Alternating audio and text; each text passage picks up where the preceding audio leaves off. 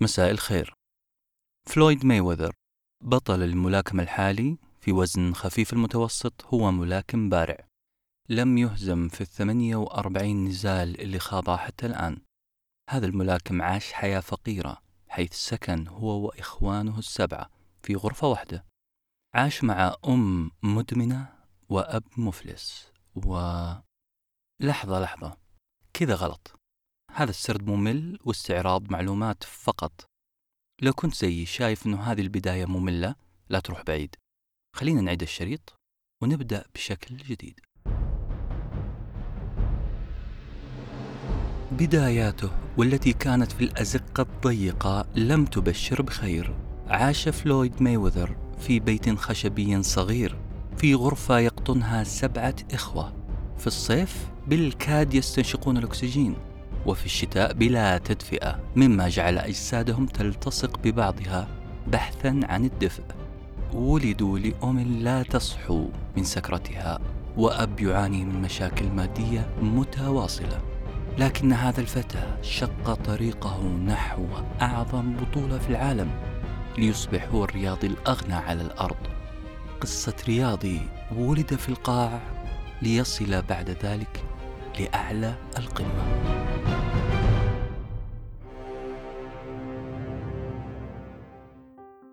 كذا صح. كذا ممكن تسمعوني. كذا ممكن أنا أثرت فضولكم عشان تسمعوا معي من هو ميوذر كذا هو كتاب اليوم Made to Stick. وكذا هي الرسالة اللي حاول يوصلها لك. الرسالة تقول حول الكلام العادي لكلام يستحق أن يحفر في الذاكرة. Paper sandwich. Enjoy your meal. حياكم الله في حلقة جديدة وكتاب جديد. كتاب لذيذ كتاب مفيد. اسمه Made to Stick. الحلقة السابقة إحنا تكلمنا عن لكنة شكسبير وأثنينا على المؤلف ديفيد كريستل في كتابه Pronouncing Shakespeare واحترمنا احترامه لإرث لغته ولغة بلده. وقلنا أن احترام اللغة يعني العناية بالكلام شكلا ومحتوى. كتاب اليوم Made to Stick ينبش تقريبا شيء مشابه. لأنه يقول لي ويقول لك مهما امتلكت من المعرفة بدون صناعة كلامك بطريقة جذابة سيصعب على الآخرين أن يفهموك وسيصعب عليهم أن يتذكروا ما تقول. استمتعوا معنا بهذه الوجبة. سيضرب الموت بجناحيه السامين كل من يعكر صفو الملك. المعذرة على هذه العبارة المزعجة. نسيت أقول لكم أن هذه العبارة وجدت منقوشة على قبر توت عنخ آمون الملك الفرعوني. بسبب هذه المقولة آمن بشر كثيرين بشيء اسمه لعنة الفراعنة خاصة أنه عدد كبير من الخبراء اللي نقبوا في قبر هذا الملك والعهدة على بعض المصادر ماتوا في ظروف غامضة والسبب كما يسمى بلعنة الفراعنة. اليوم حنتكلم عن لعنة أخرى تتسبب في الموت لكنه موت الحوار بينك وبين غيرك. لعنة تقتل جمال كلامك وجودة محتواه. لعنة تصيب الناس المتعلمين المحترمين المثقفين. هي لعنة المعرفة. حنعرف اليوم طرق التخلص منها بخطوات ستة بسيطة. بودكاست اليوم الخفيف ظريف مراجعة سريعة الكتاب ميت ستيك للكاتبين تشيب أند دان هيث لعنة المعرفة هي سوء تفاهم يحصل. لما تكون أنت فاهم موضوع معين متعمق فيه جدا فتبدأ تتكلم بإبهام تبدأ تتكلم بتفاصيل لا يفهمها المستمع. أنت حتتكلم بلغة متخصصة حتقفز فوق معلومات مهمة وتعتقد أن المستمع يعرفها زيك. بالعربي كثرة اطلاعك في قضية ما وتشبعك من القراءة فيها؟ قد تجعل لغتك وطرحك للقضية مبهمين وعلى غرار لعنة الفراعنة ستضرب معرفتك الجيدة بجناحيها السامين كل من يحاول أن يفهم منك. خليكم معنا. ليه الكتاب مهم؟ ببساطة لأنه تسعة أعشار مشاكلنا تحصل بسبب سوء الفهم. أنت تعتقد أنك وصلت فكرتك بالشكل المثالي. تعتقد أن اللي قدامك فاهمك تماما. بينما هو لم يفهم شيء ولا عشرة في المية من اللي تبغى توصله. عندنا تفاؤل عجيب بأننا قادرين على التعبير عن أنفسنا بشكل ممتاز وأن تواصلنا فعال مع الآخرين. لكن هذه مبالغة في التفاؤل. تواصلنا في الغالب ضعيف وسوء الفهم سيحدث لا محالة. معظم الانتقادات اللي توجه للقراء وللكتب بأن الكتب والقراءة بشكل عام هي نظرية غير قابلة للتطبيق. هل واجهتك هذه التهمة؟ أنا واجهتني كثير. دائما ما أتهم بأني بالقراءة في برج عاجي بعيد عن الواقع. لكن جاءنا هذا الكتاب المخلص. هذا الكتاب جاب خطة واضحة خطة تحقن بها إنتاجك اللغوي بإبر مضاعفة من الجاذبية والتركيز والبلاغة. الكتاب أثبت بما لا يدع مجال للشك أن القراءة والكتاب لهما نتائج عملية. لو بختصر لك نتائج الكتاب في جملة واحدة راح أقول أنت حتستطيع أن تنتج إنتاج لغوي أن تتحدث بشكل يجعل كلامك ستيكي لاصق في عقل المستمع. طريقة صنع الإسبريسو سهلة. نبدأ بنسبة الخميرة. نسبة الخميرة تتفاوت ما بين واحد لواحد إلى النسبة من واحد لاثنين. بهذه الطريقة ستستطيع أن تصنع إسبريسو عالية الجودة. سامحوني على هذه الخزعبلات. أو سامحوني هذه ما هي خزعبلات. قائل مثل هذه الجملة هو شخص كيف قهوة وخاصة الإسبريسو. الرجل هذا قاعد يستخدم معك لغة غريبة. هو فاهمها. ويعتقد أنك عايش معه على نفس الموجة وفي نفس الجو. فعلا قائل هذا الكلام شخص عظيم شخص فاهم تمام في القهوة. لكن كل اللي قاله فقاعات صابون صعب أن نمسك بها. تتلاشى بمجرد محاولة لمسها. نعم كلام هذا المدمن للقهوة بالنسبة لإنسان زيي يتجرع القهوة في فنجال شاهي بدون أي تحفظات وتذمر هو فقاعات صابون. كان الأولى بهذا الكيف للقهوة أن يحول كلامهم لمفردات أبسط اللي حتسمعه بعد دقيقتين بالضبط. يهمك لو كنت محاضر في جامعة معلم مدرب. يهمك في الاجتماعات والتسويق. يهمك أمام كاميرا سناب. يهمك في مقاطع اليوتيوب الخاصة. يهمك حتى في المجالس الاجتماعية العادية والعائلية. الأجمل كذلك أنه مو بس الكلام المنطوق حتى كتابتك حتختلف. كتاباتك حتكون بارزة جدا عن أي كتابات أخرى. سر هذا البروز في كلمة success نجاح.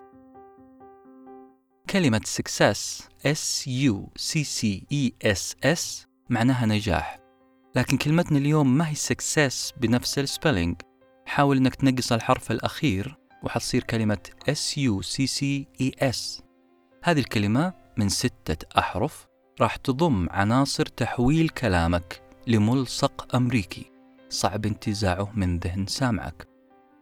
ال S الأولى simple بمعنى بسيط ال U unpredicted بمعنى غير متوقع C concrete بمعنى جسماني أو صلب سي credible بمعنى موثوق E emotional بمعنى عاطفي وأخيرا S story بمعنى القصة. العنصر الأول simplicity هد اللعب. القاعدة الأولى عندنا كلامك لازم يكون بسيط لازم يقدم فكرة واحدة رئيسية. خليني أسألكم سؤال هل مريت بهذا الموقف من قبل؟ الأستاذ أو دكتور الجامعة أو شخص من معارفك تشهد له بالعلم والمعرفة يتكلم لكنك خلال كلامه تصاب بنوبة نعاس قاتلة. الدنيا تلف بك مع كل حرف وإيماء واهتزاز لحباله الصوتية تهتز أنت نعاسا ومللا. طيب تتذكر الماراثون اللي وجدت نفسك تجري فيه من دون حول لك ولا قوة؟ أقصد بالماراثون هو جري نفسي وعقلي. هل تتذكر لما كنت تحاول اللحاق بكلام شخص ما أمامك؟ شخص أنت تحترم عقليته وعلمه. هذا الماراثون هو ماراثون محاولة اللحاق بالهدف اللي يحاول هذا المتحدث أن يوصله لك. أنت تجري بلهفة تحاول تلقط إيش يقصد هذا الشخص من كلامه. هو قاعد يقول كلام كبير لكنه استخدم تفاصيل مفزعة خلت عقلك يفتر بسرعة مكوكية.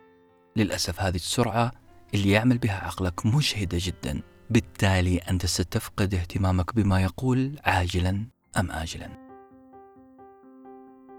مشكلة صديقنا خبير القهوة ومشكلة أولئك الأشخاص اللي تحترم كلامهم أنهم يعيشون بين الأغصان. هذا الشخص لم يريك صورة الغابة من بعيد. تركك بدون أن يريك الصورة الكلية لكلامه. الحل؟ ابحث عن فكرة واحدة تريد إيصالها للناس وقولها. Make it simple. بسط الكلام على مستمعك. اعمل هذا الشيء وأنا أضمن لك إنك حتفوز بالانتخابات الأمريكية القادمة. هذا الكلام مو كلامي بل كلام مؤلفي الكتاب عن بيل كلينتون الرئيس الأمريكي. بيل كلينتون كان يرمي في كلامه فكرة واحدة رئيسية سهلت على الناس فهم كلامه والاقتناع والتذكر. خليك معايا. انت لو طرحت ثلاثة أفكار في جملة واحدة فأنت لم تقل شيئا. بمعنى لن يستطيع أحد أن يمسك بالثلاث الأفكار في نفس اللحظة. صعب جدا. حاول إنك تقدم الكور ايديا للمستمع الفكرة الرئيسية. خلينا ناخذ مثال سريع. تخيل إنك تبغى تتكلم عن ضرورة ربط سوق العمل بما يدرسه الطلاب في المدرسة. احتمال إنك تكتب تغريدة في تويتر على النحو التالي. نطمح لسد الثغرة بين النظرية والتطبيق في تعليمنا عن طريق تكاتف الجهود بين الأكاديميين وأصحاب المهن من دون إهمال دور التربية في تأطير المنظومة الأخلاقية لدى الطالب. هيا وقفوا معي لحظة. هذا الكلام يتفجر فخامة لكنها فخامة متكلفة ومملة وصعبة للفهم والتذكر. ليه؟ لأنها تحمل 16 فكرة في سطرين. صحيح محتواها مهم لكن تركيبها مشتت. فيها آية يعني لو قلنا حاجة زي نحتاج للربط بين ما يدرسه الطالب في المدرسة وبين متطلبات سوق العمل. هذه الفكرة واضحة سهلة الصياغة والأهم أنها تحتوي على فكرة واحدة بسيطة. ركز على أن ترى الناس الغابة لا أن ترميهم فيها وتضيعهم بين الأغصان. Make it simple. وهد اللعب بليز العنصر الثاني unpredicted. خليك غير متوقع. القاعدة الثانية في هذا الكتاب تقول عشان تصل إلى مرحلة قوية جدا في إيصال كلامك بأحسن طريقة للناس أن تبتعد عن الرتابة في الطرح. خذ عندك هذه العبارة المألوفة. مرحبا اسمي فلان ابن فلان ابن فلان. اليوم راح أكلمكم عن كذا وكذا وكذا. أتوقع أننا سمعنا هذه الكليشة مية مرة قبل كذا. نعم هي البداية التقليدية المعتادة في أي عرض تقديمي. البداية للجميع بعد سماعها يقول باين عليها ليلة ما لها ملامح. ببساطة لأنك أعطيت الناس ملمح عن رتابة الشيء اللي حتقوله. أعطيت انطباع أنك حتتحدث بطريقة كلاسيكية تقليدية مملة. الناس تكره الرتابة. هذه قاعدة حطها في بالك. الناس يذهلها ويستوقفها الشيء الغير تقليدي. الناس يعشقون مشاهدة وسماع الغير مألوف. بالأصح الناس حتتذكر الغير متوقع دائما. لو انت في عشاء والناس الحاضرين معظمهم ما تعرفهم. جالسين في المجلس بملابسهم التقليدية وجلستهم التقليدية وسواليفهم التقليدية. في وسط السهرة دخل عليكم واحد من الشباك وقال ببراءة شديدة مساكم الله بالخير. أنا أتحدى وأراهن أن وجه هذا الشخص لن ينمحي من ذاكرتكم. الموقف غريب وغير متوقع. طبعا القصد مو إنك تقتحم مسرح كليتك من الشباك ولا إنك تعمل ألعاب بهلوانية أمام الناس. الغرض هو ركز في قول الغير متوقع. صحيح إننا نحترم عبارة express not impress يعني عبر ولا تبهر. صحيح هي حكمة عظيمة ترشدنا إنه التركيز على المحتوى والرسالة مهم أكثر من الأسلوب والإبهار. لكن ليه لازم ناخذ معسكر واحد من المعسكرين ونتترس للدفاع عنه؟ ليه ما يكون عندنا نسبة إبهار معينة نقدم بها محتوانا الجيد؟ ليه ما نجمع الحسنيين الأسلوب والمحتوى؟ لذلك يا سيدي عبر وأبهر وعيش حياتك. خليك غير متوقع بين الفينة والأخرى. خلونا ناخذ جولة في مؤتمرات تيد. لاحظ كيف هذول المحترفين على خشبة المسرح الجذاب يبدأوا عادة كلامهم بسؤال غير تقليدي. أنا شخصيا استعرضت مجموعة فيديوهات لتيد ووجدت إنها تبدأ بسؤال يخليك تفكر. الأسئلة والألغاز هي أسلوبين خطيرين لجذب انتباه السامع خاصة لو كانت إجابتك للسؤال واللغز غير متوقعة. لكن وركزوا لي في كلمة لكن.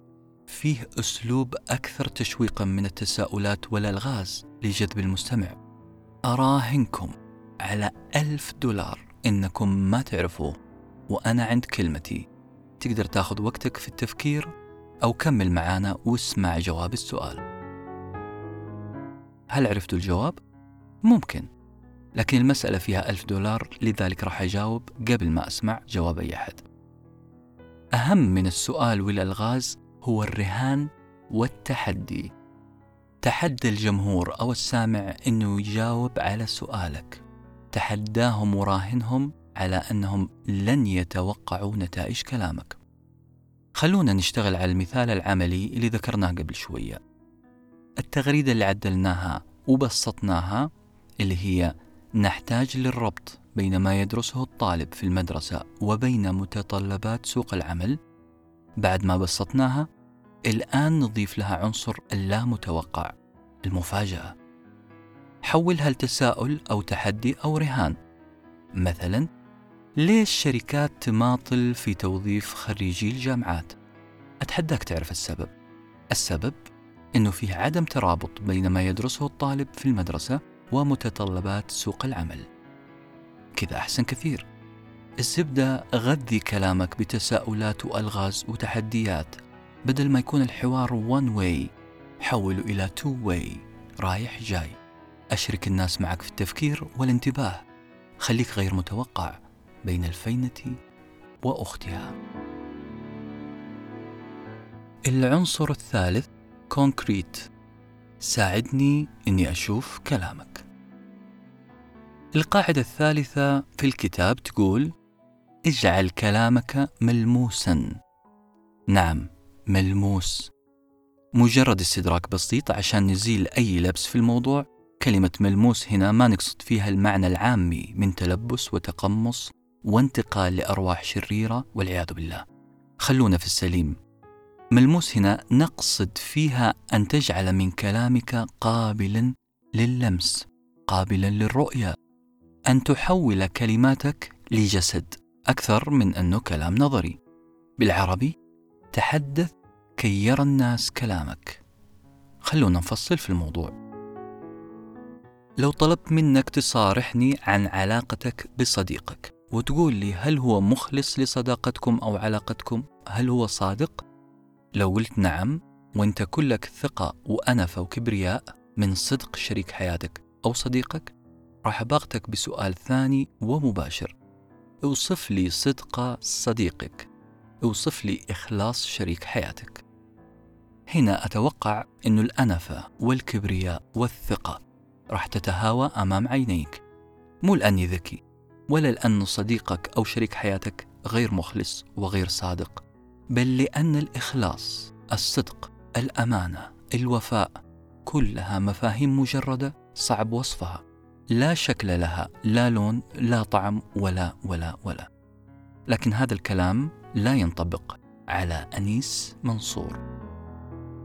الكاتب الأديب الجميل أنيس منصور سئل مرة: ليه كلامك حلو؟ كان جوابه رائع، قد يكون أروع جواب تسمعه لهذا السؤال. رد أنيس منصور بطريقته اللطيفة قائلا لأني أحب ألبس كلامي فستان ضيق يبرز مفاتن الكلمة. أنيس منصور من أعجب وأرشق الأقلام اللي ممكن تقرأ لها. يقدر يحول لك الكلمة المجردة إلى جسم يسمع ويرى ويلمس. أنيس منصور يقدر يخلي البحر يتكلم ويلبس الإخلاص بدلة فخمة ويحرك الأمانة برشاقة. أنيس منصور عنده خلطة سحرية. صدقوني هذه الخلطة السحرية ما حتسمعها في مكان ثاني. حتسمعها هنا والآن. أنيس منصور كان ملك كلمة كأن. مرة ثانية. ملك كلمة كأن. أنيس منصور تخصص فلسفة. دائما ما يشرح الفلسفة بكلمة كأن. بهذه الأداة استطاع أن يحول الكلام الفلسفي المجرد الممل إلى أشياء نراها ونسمعها. نشمها ونتذوقها. استطاع أن يحول فقاعة الصابون إلى كيكة لها طعم وشكل جميل. لن تنساه. كأن الفكرة كانت قبل أنيس منصور حجر أصم وهو بإزميله اللغوي نحت وجه له عين وفم وملامح. أنيس منصور ركز على كلمة كأن عشان يحول أي فكرة مجردة إلى جسد. لذلك نقول كل اللي عليك تسويه أن تؤنسن كلامك. أو تحوله لإنسان يتحرك حولنا برشاقة. جاء دور المثال اللي قاعدين نشتغل عليه من الصباح. فكر معي لثواني كيف ممكن نعدل التغريدة اللي تكلمنا عنها في العنصرين السابقين ونضيف لها صور محسوسة؟ هنا لعبتك هنا ثراءك اللغوي هنا خيالك العلمي والغير علمي. خلينا نقول مثلا لماذا ترمي الشركات ملفات التوظيف والسيرة الذاتية التي يقدمها لهم آلاف من خريجي جامعاتنا؟ أراهنك لو عرفت السبب. السبب ببساطة إننا في تعليمنا ركزنا على الكراسي والطاولات والكتب وتناسينا تدريب الطلاب على مهارات سوق العمل. الآن لاحظوا معايا. لاحظوا إننا ساعدنا المستمع إنه يشوف ملفات ترمى من الشبابيك. وآلاف من الطلاب مرتصين أمام الشركة. ساعدنا المستمع والقارئ أن يرى الكراسي والطاولات أن يشعر بجو الفصل الدراسي البائس أن يشم رائحة الكتب تملأ المكان. بالعربي أغرق كلامك بأشياء ملموسة ملموسة بحاسة اللمس. الإنسانية طبعا وليست مخلوقات أخرى. العنصر الرابع credible. أوثق أو لا أوثق تلك هي المسألة القاعدة الرابعة في الكتاب يجب أن توثق كلامك بمصادر تجعلك أكثر مصداقية. خلينا نقول إنك بعد ما بسطت كلامك وفاجأت المستمع وجسمت كلماتك، الآن جاء دور أن تجعل الناس تصدقك. خطأ كبير تتوقع أن الناس سيعيروا ما تقوله أهمية كبيرة غلط أن تتحدث وتترك انطباع أنك قاعد تطرح رأيك الشخصي فقط لابد الآن من أن ترفع من جاذبية كلامك وقوته برفع المصداقية. عندنا حلين. الحل الأول إنك تحلف وتقسم مئة أيمان بأنك صادق. هذا حل جميل، لكن مو معقول تحلف بعد كل جملة. الحل الثاني اللي قدمه الكتاب أسهل وأوثق. الكتاب يقول في ثلاث أنواع من المصداقية. مصداقية قادمة من أهل الاختصاص ومصداقية من غير أهل الاختصاص ومصداقية مصدرها دواخلنا خلينا نبدأ بأسهل نوع من المصداقية مصداقية أهل الاختصاص يعني بعد ما تقول كلامك تقول الدكتور فلان الفلاني يمدح هذا الدواء ويذم ذلك الدواء أو المحلل المشهور يوصي بهذا السهم ويحذر من ذلك السهم مصدر الثقة هنا أن تلصق كلامك وتدعمه برأي شخص مشهور ومتخصص في مجال القضية. باختصار أنت تقدر تدعم كلامك بأوثورتي أو شخص يمتلك صلاحية أينشتاين في الفيزياء، بيليه في كرة القدم، إلى آخره. العجيب والغريب هو النوع الثاني من المصداقية وهي المصداقية من ناس لا يمتلكوا أي صلاحية أو اختصاص. سموها في الكتاب Anti Authority People يعني الناس من غير ذوي الاختصاص. هؤلاء الأشخاص هم أصحاب التجربة. مثلا شخص تعالج من الإدمان وقاعد يكلمك عن خطر الإدمان. هذا الرجل عنده مصداقية لكن مو لأنه من أهل الاختصاص بل لأنه من أهل التجربة. Not expertise but experience. نيجي للنوع الثالث من المصداقية المصداقية الداخلية. هنا تجاربك الشخصية مع الشيء اللي تتحدث عنه. ممكن هذه التجربة تساعدك في إضفاء نوع من المصداقية.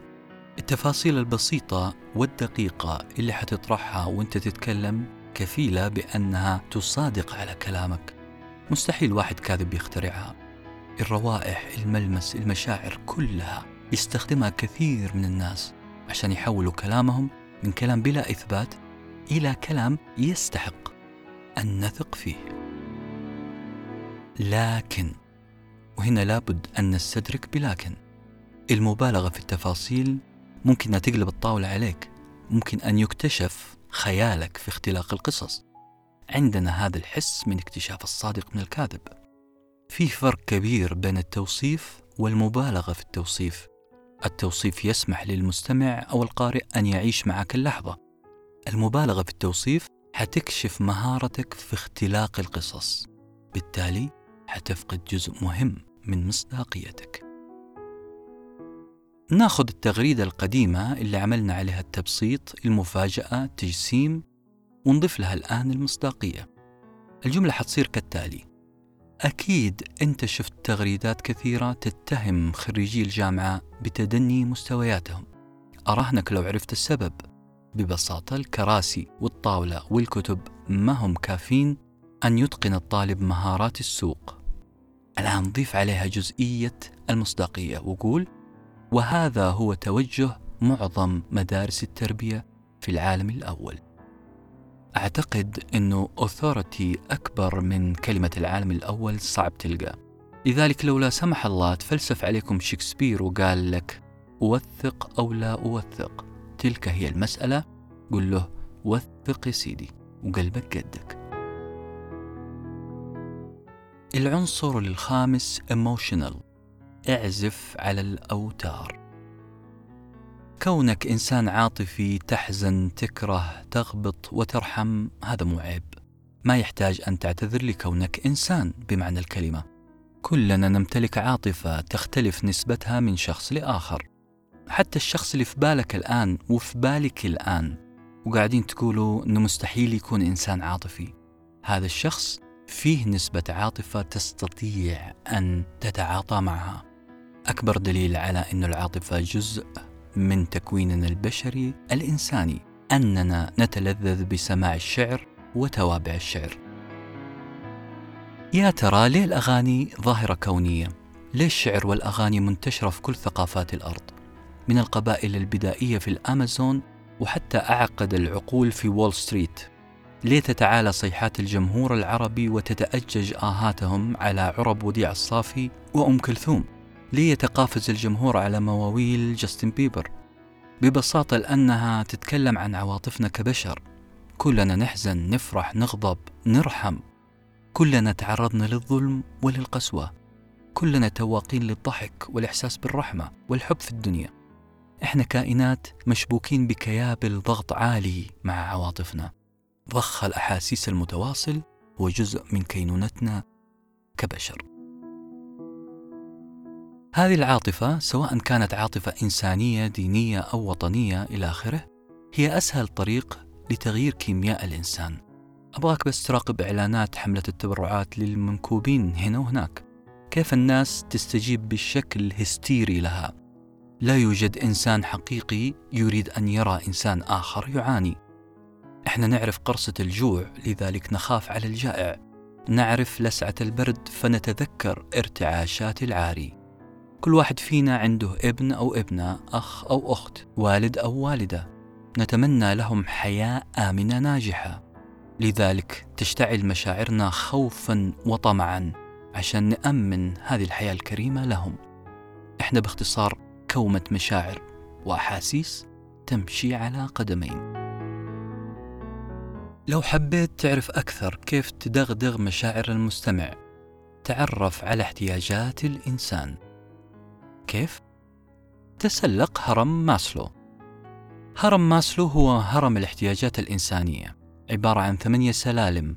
كل سلم يساعدك تحدد ما هي القيمة والاحتياج المناسب لكل إنسان. أول درجة في هذا الهرم هي الحاجات الإنسانية الرئيسية الجسدية. الجوع مثلا العطش الدفء. اطلع معايا السلالم واحد واحد. حتلقى واحدة من الدرجات بتتكلم عن الحاجة للانتماء.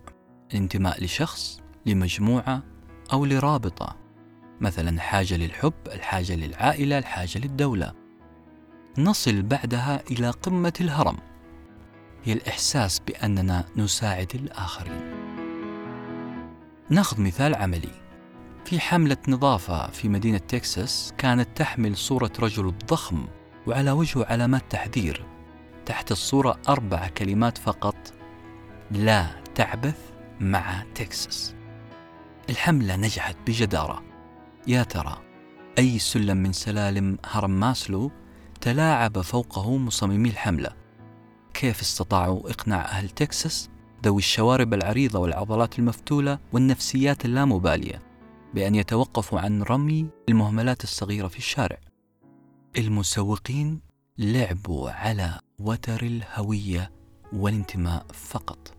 بحثوا عن احتياجات سكان تكساس وكانت أهم الاحتياجات عندهم هو شعورهم القوي للانتماء. لذلك أظهروا رجل تكساوي ضخم يحذر من التلاعب مع مدينته. وزي النار انتشر الشعار بين سكان تكساس الأخيار ونظفت المدينة. أخيرا خلونا نلعب في تغريدتنا اللي عدلناها قبل شوية ونضيف لها رشة جريئة. رشة مشاعر إنسانية أو قيمية. رشة تلامس ذائقة المستمع وتداعب عاطفته. نقدر نقول حاجة زي أكيد شفتم تغريدات كثيرة تتهم أخويا وأخوك وتعايرهم بتدني مستوياتهم. لاحظ معايا كلمة أخويا وأخوك. لاحظ معايا كلمة تعايرهم. أنت بكل حرافة عزفت على أوتار العاطفة على وتر الانتماء للعائلة والقرابة. لذلك اعزف على الوتر وسمعني.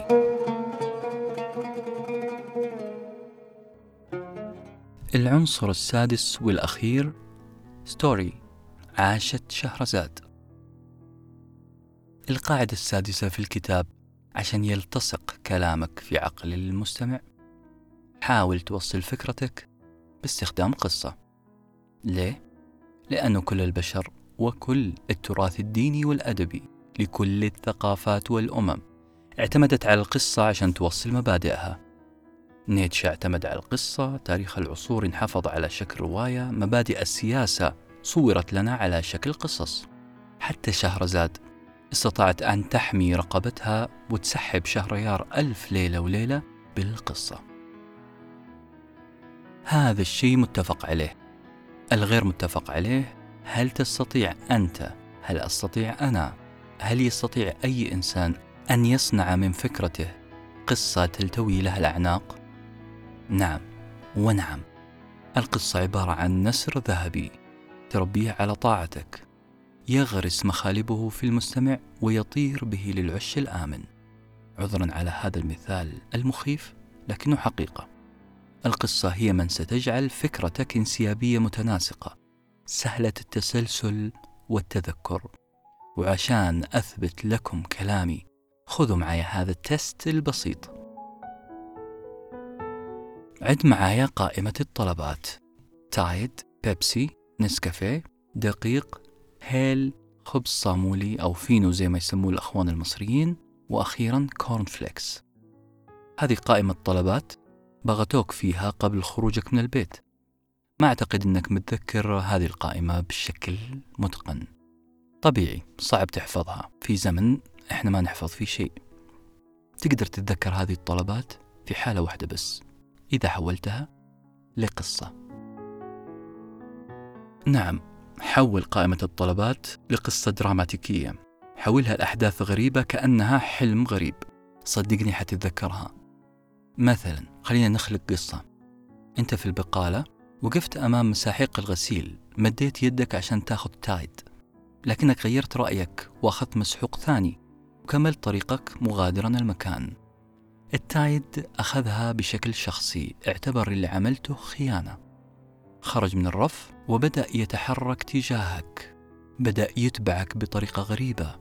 انت انتبهت وحاولت تمنع التايد من التقدم فسكبت بيبسي عشان يلزق في الأرضية. لكن التايد كان hyper active كان نشيط جدا بسبب كميات النسكافيه والقهوة العربية اللي شربها وبذكاء ودهاء قام التايد بتفريغ أكياس الدقيق على الفيري والبيبسي عشان يصنع لنفسه أرضية يستطيع أن يتحرك فوقها. اقترب منك التايد وأنت في حالة استسلام تام. ها هو أمامك مباشرة. ها هو يتعداك وكأنك غير موجود. ها هو يصل إلى ركن الخبز. ويلتقط عيش صامولي وعلبة corn flakes ليتضح في النهاية أنه الموضوع كان فقط غضب جوع لا أقل ولا أكثر. هذه القصة الغريبة هي تكنيك لتحسين قدراتنا الذهنية وسعة الذاكرة. قدمها دكتور علم نفس في محاضرة بخصوص حفظ القوائم الغير مترابطة زي قوائم طلبات السوبر ماركت أو عناصر محاضرة حتلقيها أو عشان تحفظ كتاب من 300 صفحة قبل اختبارك بثلاثة أيام. إحنا استعرضنا هذا التكتيك مو لغرض تحسين ذاكرتك بل بالعكس. إحنا نبغاك تدلع المستمع تقدم له كلامك الطويل على شكل قصة جاهزة. لذلك ما في مشكلة لو كنت شهرزاد شوية. جو هو المدرس الأيرلندي اللي لازلت أذكره بالخير إلى اليوم. أعطانا كورس في فن تقديم العروض. في وسط كلامه ذكر شيء مهم. قال لابد المحاضر يكون دمه خفيف وحكواتي جيد. كعادتي تلقفت وبادرت وسألت. طيب لو دمي ما هو خفيف ولا أنا حكواتي إيش أعمل؟ رد علي جو بشكل مباشر. وقال إذا لا تفكر تقدم عروض. جو كأنه يقول لي ما حد فاضي يسمع منك رصة معلومات غير مترابطة ما فيها تسلسل ولا تشويق.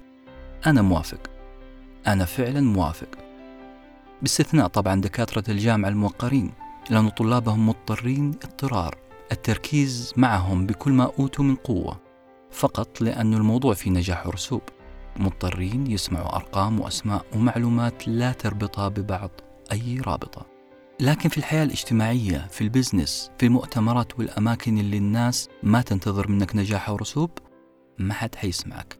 إلا إذا صبغت كلامك بألوان التشويق وطعمته بفصوص الحكاية اللي تساعدهم في التذكر والتركيز. أجد نفسي مضطر ومجبر وعازم على قول شيء مهم فعلا. كل واحد فينا يمتلك قصة بل نمتلك قصص تستحق أن تسمع. ابن الصغير اللي حكيني عن مشكلة واجهته في المدرسة عنده قضية. هذه القصص من الأطفال بتجيب فلوس خارج حدود العالم العربي. الغرب بيعطوا حاجة اسمها incentives يعني فلوس عشاء غدا هدية كوبونات أو أي شيء مادي. فقط عشان يسمعوا منك ومن أطفالك قصص يبنوا بها علم. فما بالك بناس زيي وزيك خاضوا تجارب مهمة وعاشوا قصص قد تساعدنا في فهم الحياة بشكل أفضل. ثق تماما أنه عندك قصص تستحق النشر والاهتمام. الغرب عرف هذه الحقيقة وبدأ يهتم بالقصص الشخصية ويحولها لأعمال فنية زي معارض الصور، أعمال مفاهيمية أو حتى أفلام. إحنا نعجب جدا بأفلام أوروبا وأمريكا سواء كانت سينمائية أو وثائقية لأنهم عرفوا يصطادوا تجربة شخصية يحللوها صح ويعيدوا صياغتها بدراما تخليني أعيش تفاصيل القصة بحذافيرها. الجيد هنا أنه عندهم وعندنا خير. عندنا قصص لكن تحتاج صياغة تحتاج لمسة درامية تحتاج حبكة أو ما يسمى في الأدب والفن تحتاج plot ال plot أو الحبكة الجيدة هي العمود الفقري لكل قصة. ال plot بيتكون من عناصر كثيرة أهمها المصيدة set up واللكمة punch line ال set up أو المصيدة تضلل وتضحك على المستمع تخليه يعمل توقعات غير دقيقة لقصتك. بعد ما تعمل المصيدة يجي العنصر الثاني وهو ال punch line أو اللكمة. ال punch line هو معلومة بسببها يبدأ المتلقي حل لغز القصة اللغز اللي انت قدمته في المصيدة. مثلا اسمعوا معي هذه القصة التالية. قدم لي ابني هدية قائلا هذه الهدية بمناسبة عيد الأم. يا أجمل أم في الدنيا. عندما سمعت من ابني هذه الكلمات أحسست بالفخر والسعادة. لاحظوا معايا. أم استلمت هدية من ابنها وسعدت بهذه الهدية. لكن خلينا نضيف لها بانش لاين لذلك اسمعوا التعديل على القصة. قدم لي ابني هدية قائلا. هذه الهدية بمناسبة عيد الأم. يا أجمل أم في الدنيا. عندما سمعت من ابني هذه الكلمات أحسست بالفخر والسعادة لأنني حققت وصية زوجتي. ملاحظين هذا الكلام الغريب؟ والعظيم لاحظوا معي ال set up أو المصيدة. هذه المصيدة خلتكم تتوقعوا أن الهدية من ابن لأمه بينما ال punch line أو اللكمة فوقتنا على شيء آخر الأب أدى دوره كاملا بعد وفاة زوجته وحقق وصيتها بأن يكون هو الأب والأم لأبنائه. هنالك فرق كبير لو فهمت المستمعين من البداية بأن الولد يتيم وبين أن تجعلها في آخر الكلام. هنا عظمة الحبكة باختصار.